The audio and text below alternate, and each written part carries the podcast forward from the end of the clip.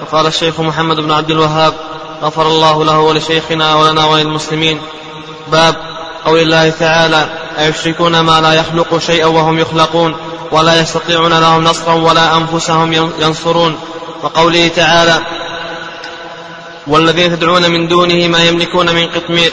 وللصحيح عن أنس رضي الله عنه قال شج النبي صلى الله عليه وسلم يوم أحد وكسرت رباعيته فقال كيف يفلح قوم شجوا نبيهم فنزلت ليس لك من الأمر شيء وفيه عن ابن عمر رضي الله عنهما أنه سمع رسول الله صلى الله عليه وسلم يقول إذا رفع رأسه من الركوع في الركعة الأخيرة من الفجر اللهم لعن فلان وفلانا بعدما يقول سمع الله لمن حمده ربنا ولك الحمد فأنزل الله ليس لك من الأمر شيء. وفي رواية يدعو على صفوان بن أمية وسهيل بن عمرو والحارث بن هشام فنزلت ليس لك من الأمر شيء.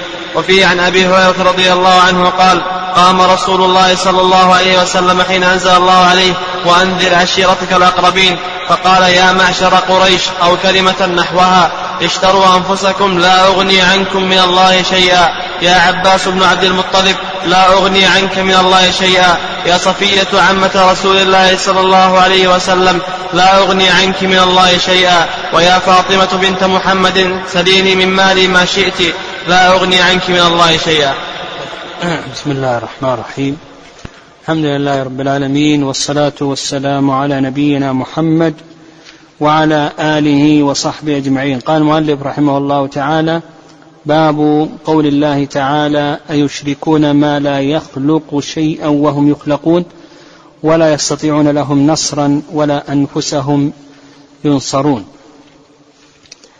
آه، مناسبة هذا الباب لكتاب التوحيد أن المؤلف رحمه الله تعالى ذكر في هذا الباب الأدلة الدالة على بطلان الشرك وبيان حال المدعوين من دون الله عز وجل. وفي المقابل في هذا إثبات للتوحيد وتقرير له. يعني فيه إثبات للتوحيد وتقرير له. ومناسبة هذا الباب لما قبله أن المؤلف رحمه الله تعالى في ما آه، قبله من الأبواب ذكر أشياء من العبادة الدعاء والاستغاثة والاستعاذة وأن هذه العبادات صرفها لغير الله عز وجل شرك. ثم بعد ذلك ذكر في هذا الباب بطلان الشرك وبين حال المدعوين من دون الله أنهم إما أن يكونوا أصناما لا تسمع ولا تبصر وإما أن يكونوا مخلوقين هم مشغولون بعبادة الله عز وجل أو أنهم لا يسمعونهم ولا يبصرونهم إلى آخره.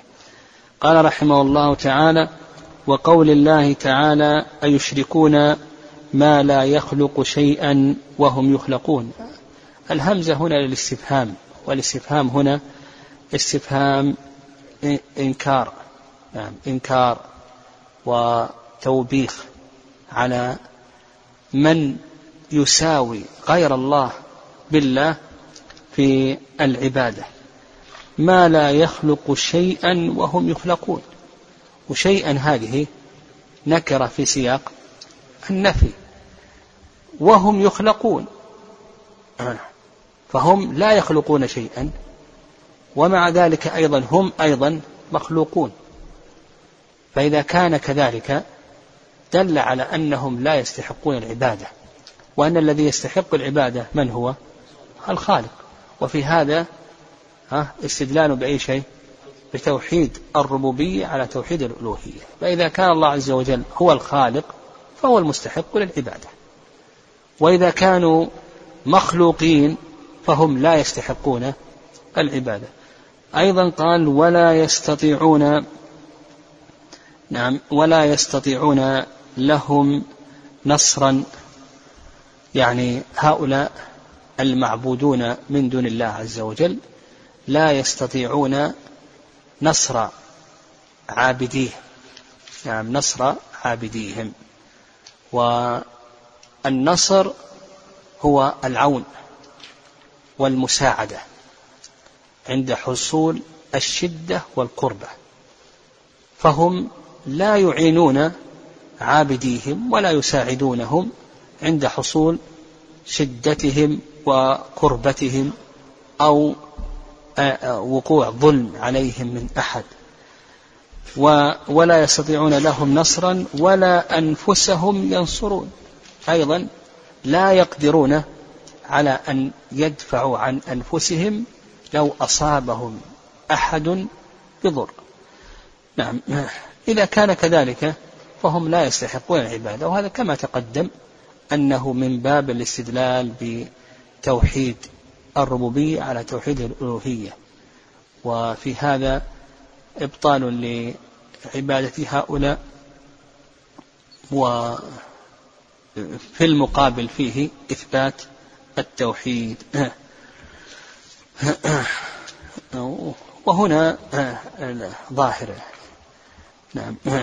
الأدلة ظاهرة على إبطال الشرك تقرير التوحيد. قال وقول الله وقوله تعالى والذين تدعون الدعاء هنا يشمل دعاء المسألة ودعاء العبادة. تدعون من دونه يعني من دون الله سوى الله. ما يملكون من قطمير. القطمير هي اللفافة التي تكون على نواة التمر. إن تدعوهم لا يسمعوا دعاءكم. نعم. لأنهم هؤلاء هؤلاء المدعوون إما أن يكونوا حجارة لا يسمعون وإما أن يكونوا أمواتا لا يسمعون وإما أن يكونوا بعيدين عنكم وإما أن يكونوا مشغولين بعبادة الله عز وجل. نعم. مشغولين بعبادة الله عز وجل بما خلقوا له. إن تدعوهم لا يسمعوا دعاءكم ولو سمعوا ما استجابوا لكم. يعني حتى ولو سمعوا فإنهم لا يقدرون على إجابة طلبكم وما سألتم. ويوم القيامة يكفرون بشرككم. يعني ينكرون هذا الشرك ويتبرؤون منه.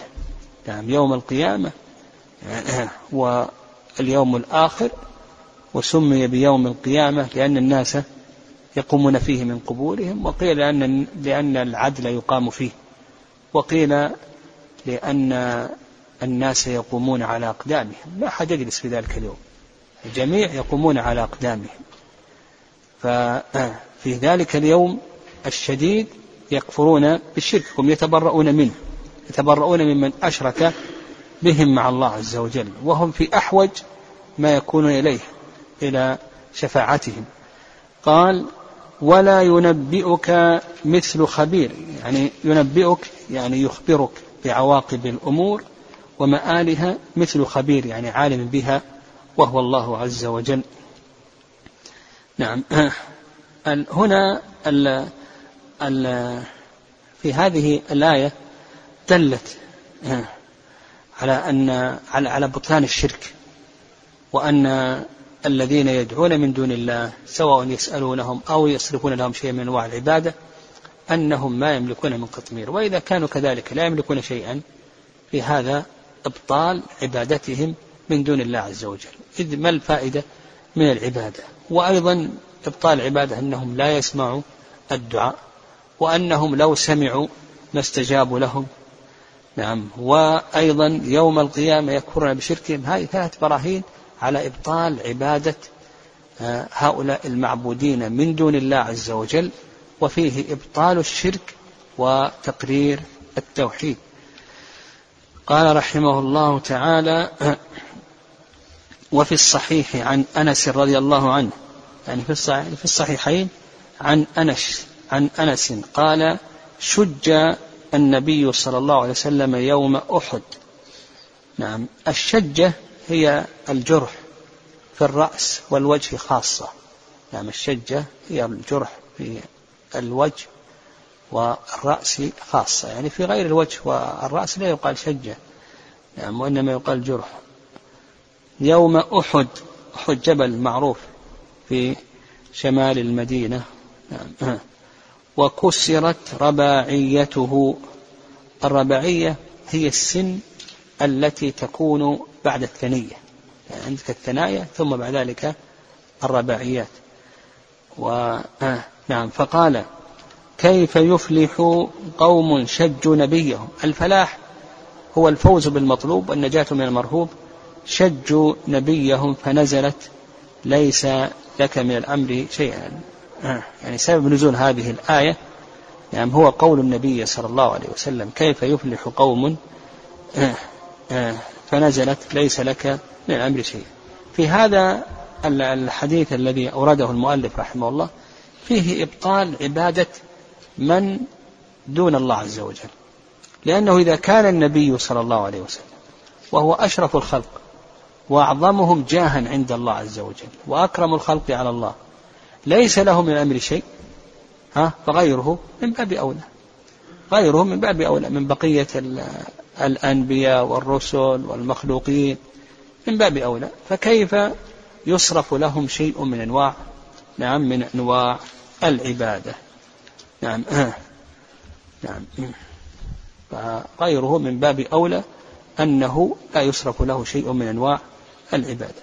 قال وفيه يعني في صحيح البخاري عن ابن عمر رضي الله عنهما أنه سمع رسول الله صلى الله عليه وسلم يقول إذا رفع رأسه من الركوع في الركعة الأخيرة من الفجر اللهم لعن فلانا وفلانا. اللهم بمعنى يا الله واللعن من الله هو الطرد والإبعاد من رحمة الله. الطرد والإبعاد من رحمة الله. بعدما يقول سمع الله لمن حمده ربنا ولك الحمد. فأنزل الله ليس لك من الأمر شيء. وفي رواية يدعو على صفوان بن أمية وسهيل بن عمرو والحارث بن هشام. وقول سمع الله لمن حمده يعني استجاب الله عز وجل لمن حمده وتقبله.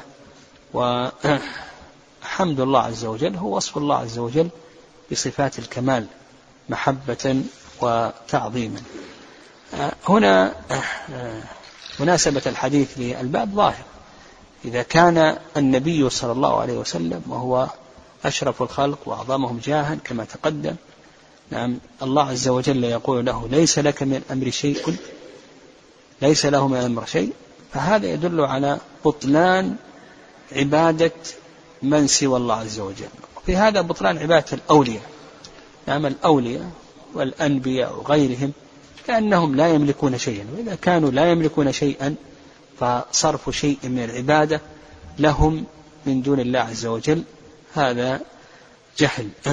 والتعلق بهؤلاء الأولياء والأضرحة والقبور لقضاء الحاجات. وتفريج الكربات أن هذا كله باطل لأنهم لا يملكون شيئا. فإذا كان النبي صلى الله عليه وسلم لا يملك شيئا فغيره من هؤلاء من باب أولى أن هؤلاء أصبحوا الآن جثثا هامدة. حتى ولو كانوا أحياء لا يملكون شيئا. ف نعم.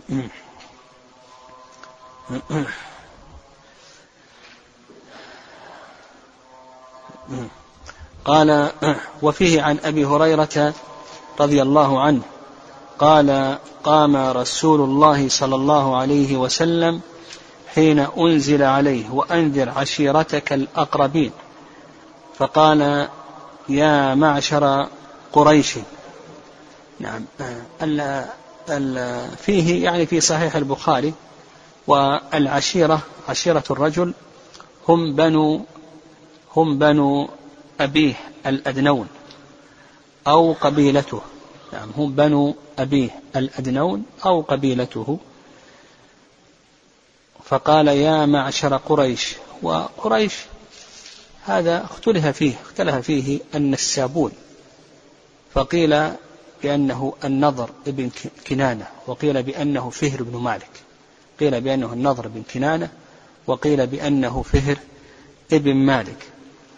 يا معشر قريش أو كلمة نحوها اشتروا أنفسكم لا أغني. يا معشر المعشر جماعة نعم اشتروا أنفسكم يعني خلصوا أنفسكم من عذاب الله عز وجل وذلك بالتوحيد وعدم الشرك. لا أغني عنكم من الله شيئا. يا عباس بن عبد المطلب لا أغني عنكم من الله شيئا يعني لا أدفع عنكم شيئا من عذاب الله عز وجل. ويا عباس بن عبد المطلب لا أغني عنك من الله شيئا لا أدفع عنك شيئا من عذاب الله. يا صفية عمة رسول الله صلى الله عليه وسلم لا أغني عنك من الله شيئا. ويا فاطمة بنت محمد سليني من مالي ما شئت لا أغني عنك من الله شيئا. قول النبي صلى الله عليه وسلم سليني من مالي ما شئت يعني هذا الذي أقدر عليه. أما غيره فإني لا أقدر عليه. وجه الشاهد من هذا الحديث إذا كان هذا في حال النبي صلى الله عليه وسلم مع أقرب الناس إليه فاطمة هي بنته وهي أقرب الناس إليه وصفية هي عمته والعباس هو عمه أقرب الناس إليه. إذا كان لا يملك لهم شيئا من الله سبحانه وتعالى. ففي هذا بطلان عبادة من سوى الله عز وجل. لأنه إذا كان هذا في حال النبي صلى الله عليه وسلم مع أقرب الناس إليه وهو أعظم الناس جاها عند الله وهو أكرمهم عند الله لا يملك شيئا فغيره من باب أولى أنه لا يملك شيئا. وإذا كان كذلك فإنه لا يستحق أن يصرف له شيء من أنواع العبادة. فدل ذلك على ما ترجم له أو ما ذكره المؤلف رحمه الله من إبطال الشرك وتقرير التوحيد. والله أعلم.